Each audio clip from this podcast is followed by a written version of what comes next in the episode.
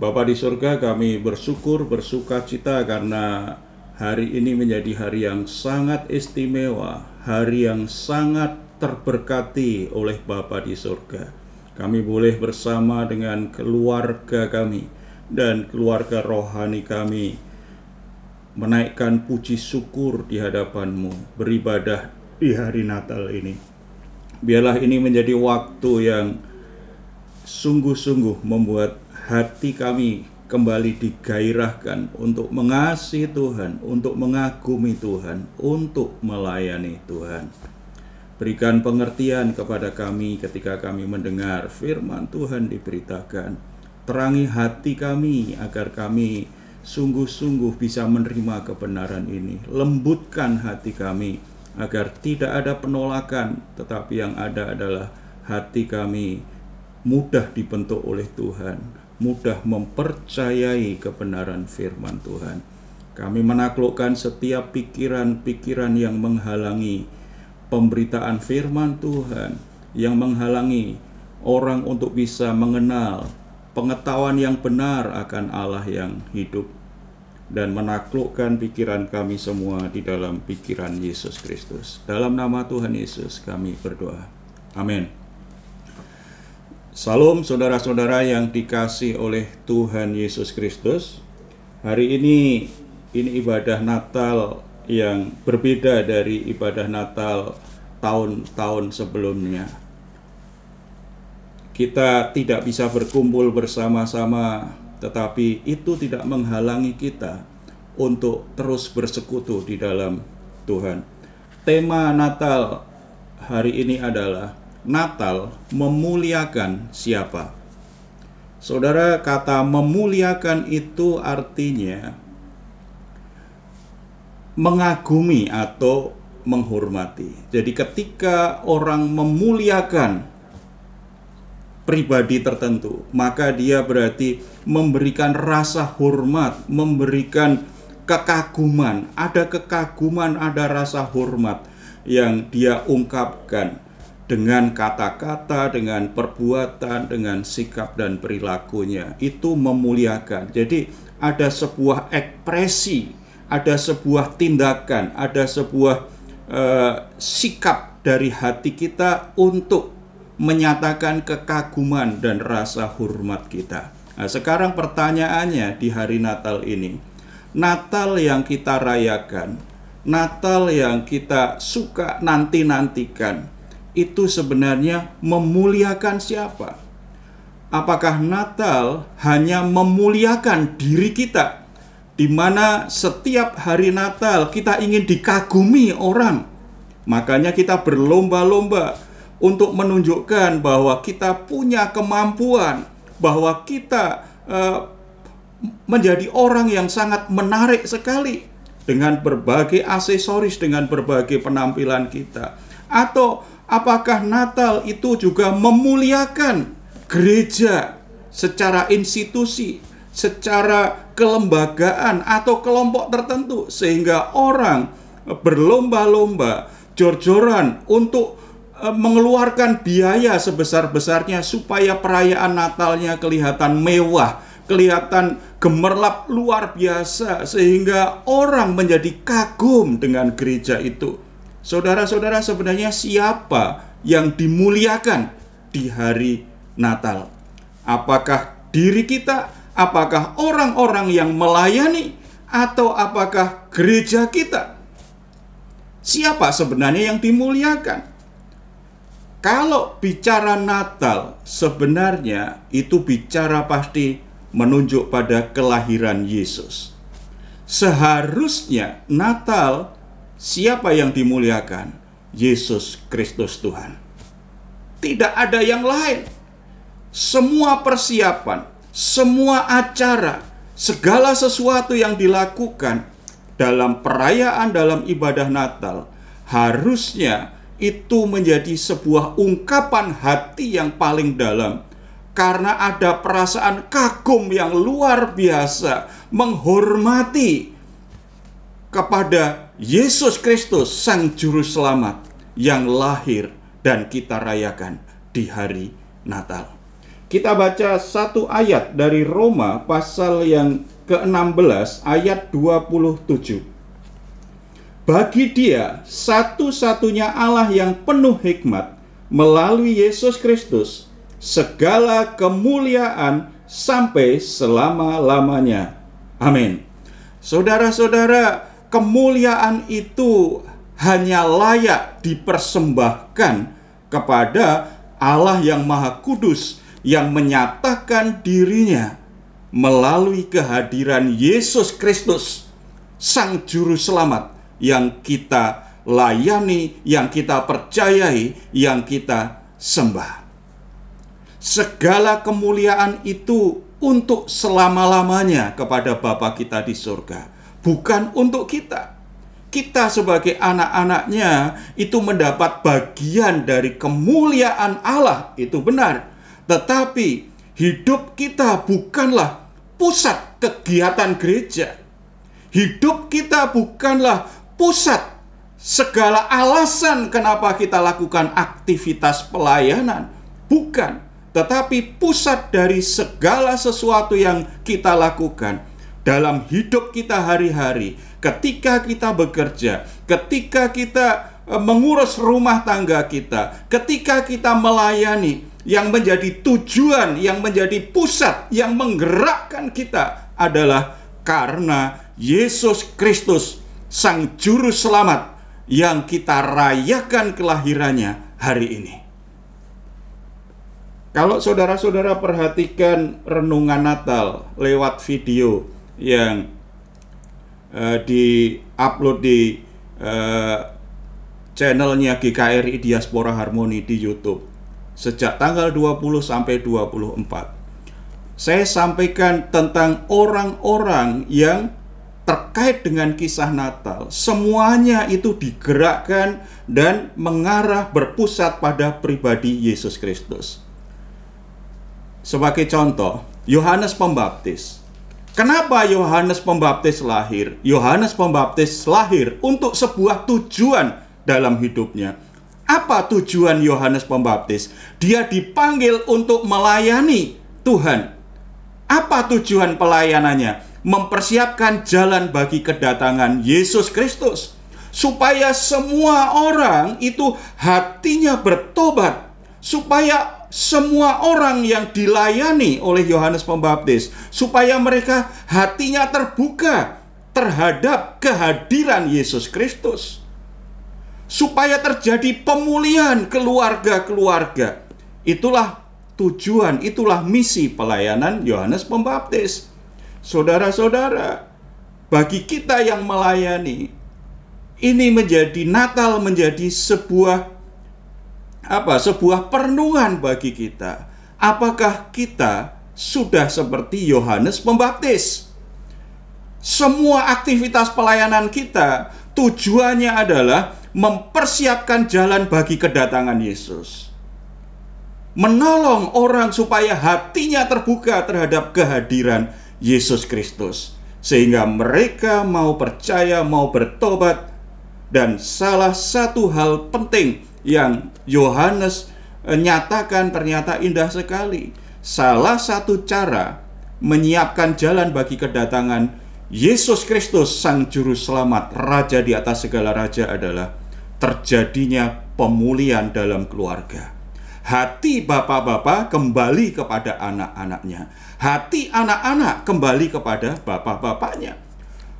Para orang tua yang selama ini tidak peduli kepada anaknya, hatinya kembali mencari, merindukan anak-anaknya. Demikian juga hati anak-anak yang tidak peduli, yang jauh dari orang tuanya, maka hati mereka pulih untuk kembali membangun hubungan, mendekat, dan mengasihi orang tuanya.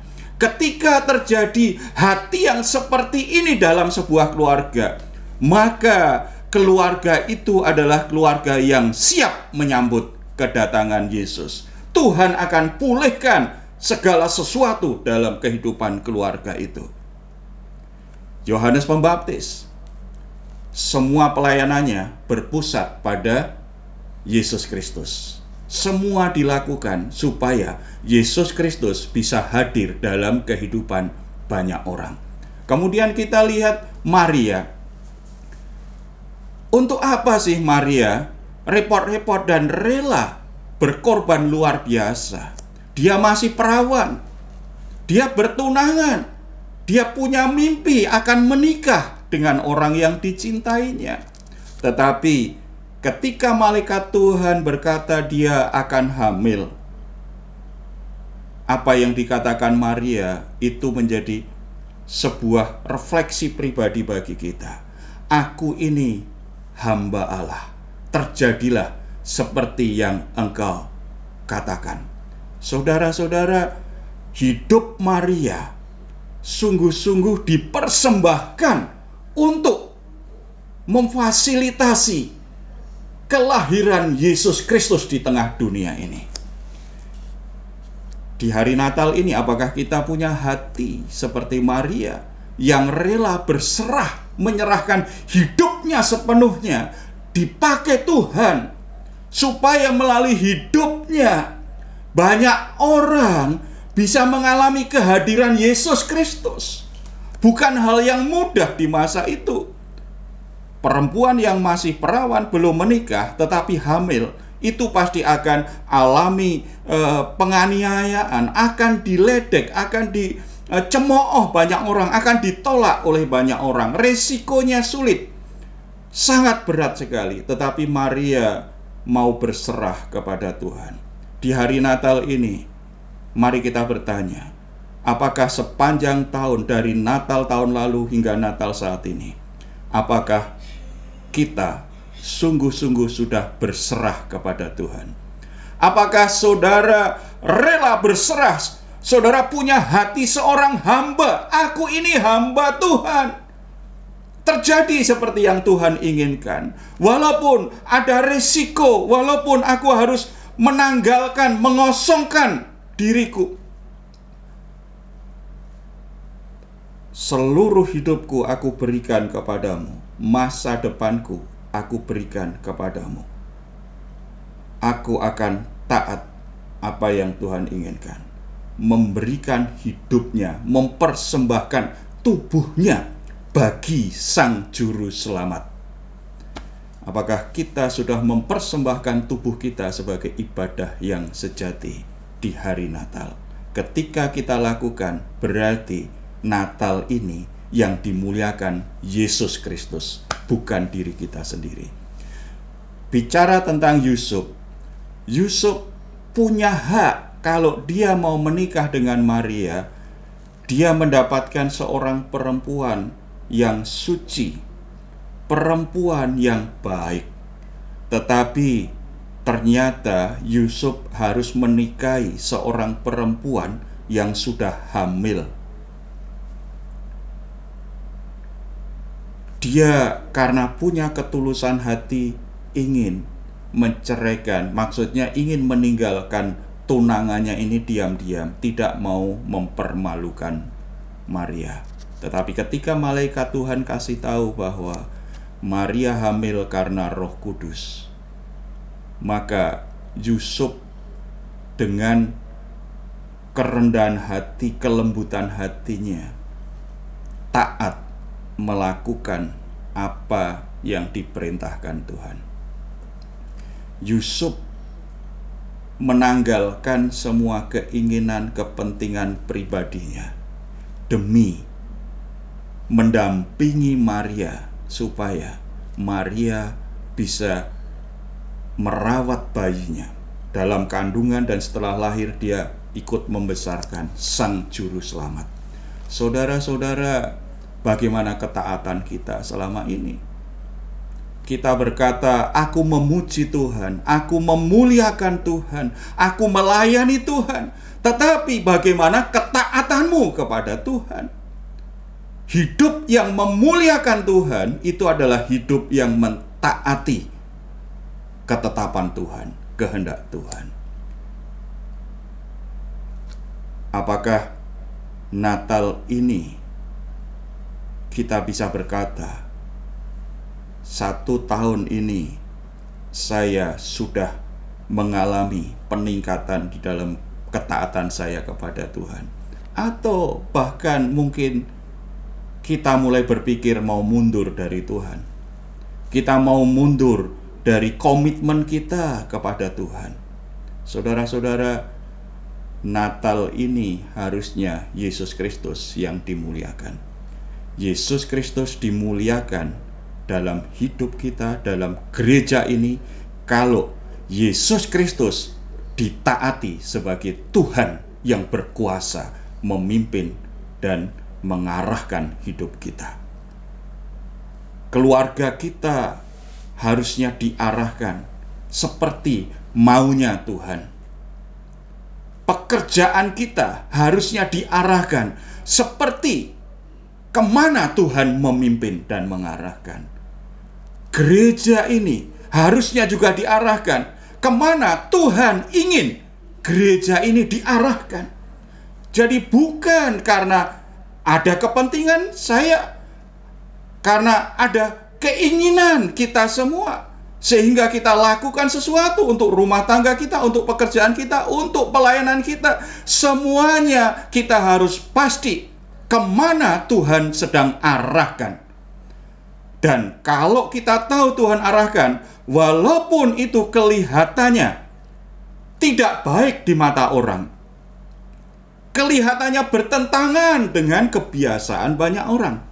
Tetapi kalau kita tahu Tuhan yang memerintahkan, Tuhan yang menyatakan, kita harus mentaatinya. Bagi Yusuf, orang-orang di sekitarnya saudaranya pasti dianggap Yusuf itu laki-laki yang bodoh.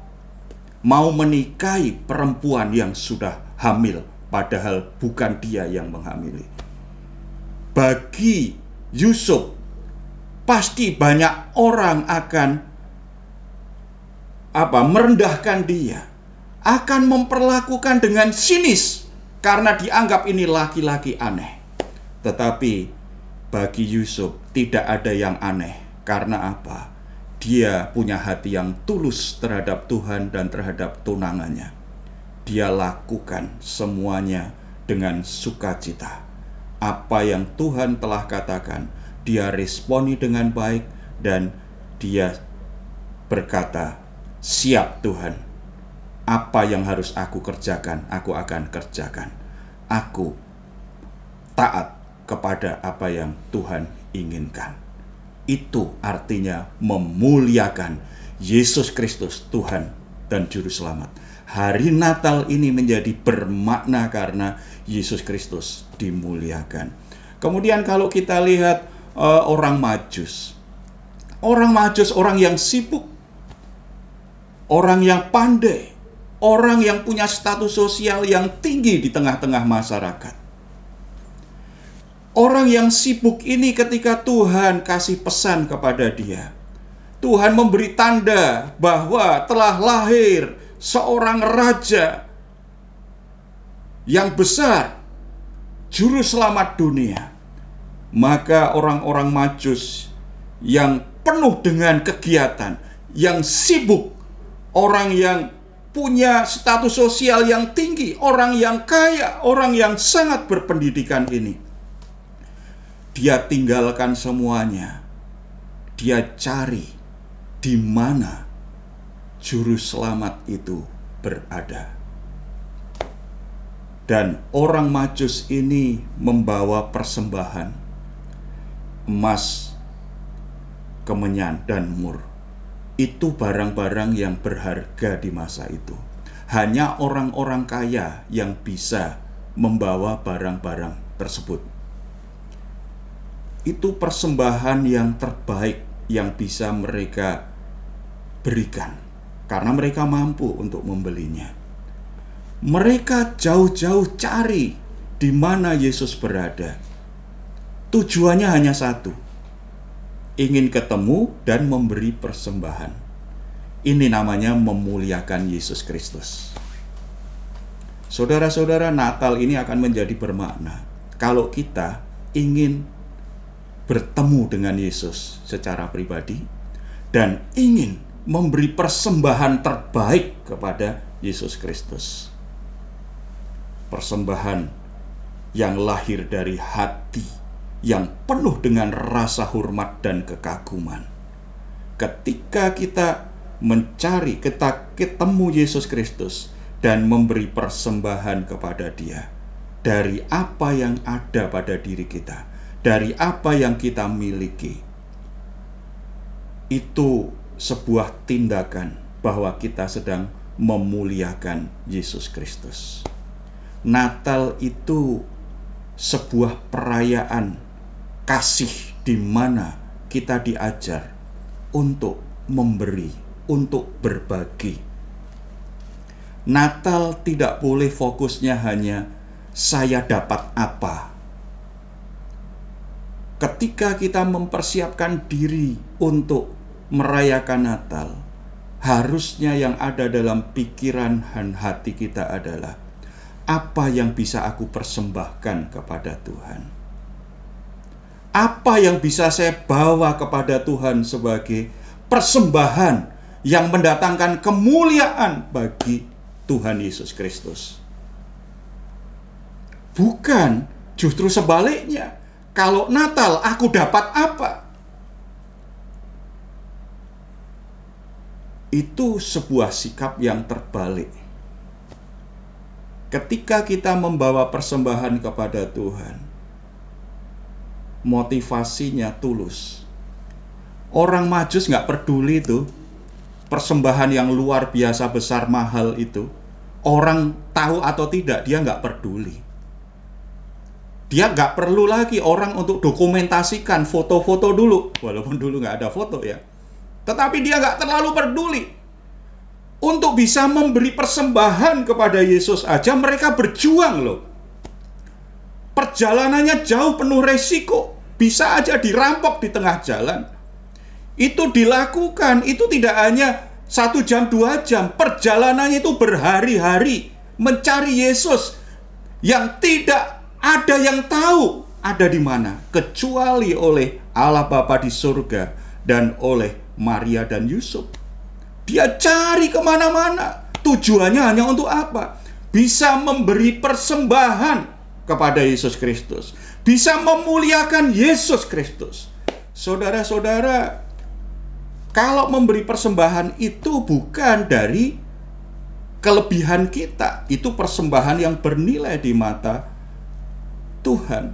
Makanya bagi Tuhan sebenarnya motivasi memberi lebih penting daripada bentuk pemberiannya atau jumlah atau besar pemberiannya. Orang Majus kaya raya mampulah memberi persembahan yang sangat mahal itu. Mungkin karena kita gak sekaya orang Majus, kita nggak mampu memberi persembahan sebanyak itu. Tetapi prinsipnya sama.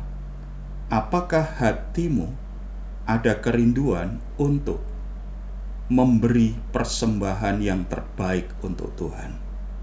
Seperti orang Majus, untuk bisa memberi persembahan itu ternyata tidak mudah. Ada perjuangan, ada penyangkalan diri, ada pengorbanan. Bagi orang Majus, pengorbanannya bukan dari sisi uangnya, dia punya banyak harta, tetapi waktu yang terbuang, risiko yang besar. Bagi kita mungkin perjuangannya apa? Karena kita harus sisihkan dari berbagai kepentingan kita sendiri. Kita persembahkan untuk bisa memberi persembahan. Kita harus sisihkan dari kebutuhan-kebutuhan kita yang lain. Kita tinggalkan keinginan kita. Kita relakan bagian yang selama ini kita nikmati. Kita rela untuk mengorbankan apa yang kita sukai. Persembahan kepada Yesus itu artinya memuliakan Dia. Natal adalah memberi. Kalau kita baru sebatas menerima, berarti bagian ini dari sisi harta benda kita, kita belum memuliakan Allah di hari Natal ini. Tuhan berkata, "Muliakanlah Allah dengan hartamu. Natal itu menjadi sebuah peringatan kepada kita Apakah kita sudah memuliakan Allah dengan harta kita? Semua kita pakai untuk mendatangkan kemuliaan bagi Yesus. Yang terakhir, gembala. Gembala pekerja yang kasar, bagi dia setiap jam kerja itu bernilai karena kalau dia nggak kerja nggak dapat duit. Kalau dia nggak kerja, dia nggak ada penghasilan. Itu berat. Waktu setiap hari harus dilakukan untuk bekerja. Di samping itu, para gembala itu tipe orang yang secara status sosial itu rendah, pekerja kasar, mungkin dianggap bukan orang yang punya gengsi tinggi, tidak punya level sosial yang tinggi, tidak dianggap sebagai warga yang terhormat, dianggap orang yang biasa-biasa saja, orang rendahan. Tetapi ketika para gembala mendapat kabar bahwa Yesus Kristus Sang Juru Selamat itu telah datang, itu sukacita dalam hidup mereka luar biasa. Mereka tinggalkan kawanan gembalaannya, domba-dombanya. Ya ini tidak diceritakan cara detail, tetapi pasti tidak ditinggalkan begitu saja. Karena gembala itu kerjanya tim, tidak pernah sendirian. Semakin banyak domba-domba yang dirawat, semakin banyak tim penggembalaannya, itu semakin banyak. Tetapi yang dinyatakan Alkitab adalah para gembala itu rela tinggalkan pekerjaannya. Berarti kehilangan fasilitas, kehilangan eh, apa? Kehilangan gajinya. Dipotong sama bosnya pasti. Waktu di mana mereka bisa menghasilkan duit. Rela dia tinggalkan. Untuk apa? Datang kepada Yesus bertemu dengan Sang Juru Selamat. Itulah artinya memuliakan Yesus Kristus. Kita menganggap bahwa Yesus Kristus itu lebih penting dari pekerjaan, dari duit kita, dari semua aktivitas sosial kita. Kita akan bekerja sebaik-baiknya sepenuh hati, apa pun yang kita lakukan seperti untuk Tuhan. Tetapi kita tidak biarkan pekerjaan apa pun, aktivitas apa pun menggeser hidup kita jauh dari Tuhan. Itulah artinya memuliakan Yesus Kristus. Di hari Natal ini mari kita kembali mengingat masih adakah agenda-agenda hidup kita yang selama ini menggeser hati kita untuk lebih mengasihi Tuhan. Adakah pekerjaan-pekerjaan yang membuat kita justru semakin padam hati kita terhadap Tuhan? Yang membuat kita menjauh dari Tuhan? Atau kita anggap ada pekerjaan-pekerjaan yang begitu penting sehingga kita berkata bahwa Tuhan juga maklumlah kalau saya nggak bisa beribadah, kalau saya nggak bisa melayani, kalau saya nggak bisa lakukan sesuatu untuk Tuhan. Saudara-saudara ini bukan soal maklum atau nggak maklum. Tuhan itu terima kita apa adanya. Tuhan tahu kita punya keterbatasan. Tetapi kalau sudah bicara tentang hal-hal yang akan menjauhkan kita dari Tuhan, Tuhan itu tidak akan pernah biarkan. Karena Tuhan tahu, begitu kita menjauh dari Tuhan, kita sedang menjauh dari sumber hidup kita. Kita sedang menjauh dari sumber berkat kita. Kita sedang menjauh dari sumber sukacita kita, membuat kita akan menderita, membuat kita akan terhilang dari Tuhan, dan kita kehilangan damai sejahtera yang dicari oleh banyak orang. Di luar sana, pekerjaan apa pun yang kelihatannya sangat baik, tetapi kalau tidak ada kehadiran Yesus, akan membuat jiwa orang, batin orang menjadi kosong. Jiwanya hampa, tidak akan terpuaskan karena Yesus Kristus saja, air kehidupan, roti kehidupan, yang akan bisa memuaskan kehidupan kita. Sekali lagi, apakah Natal ini kita sudah memuliakan Yesus Kristus? Atau apakah Natal masih fokusnya yang dimuliakan diri kita sendiri? Yang dimuliakan adalah kelompok kita, yang dimuliakan hanya gereja kita, atau Yesus yang sudah kita muliakan. Patut kita renungkan di hari Natal ini. Amin.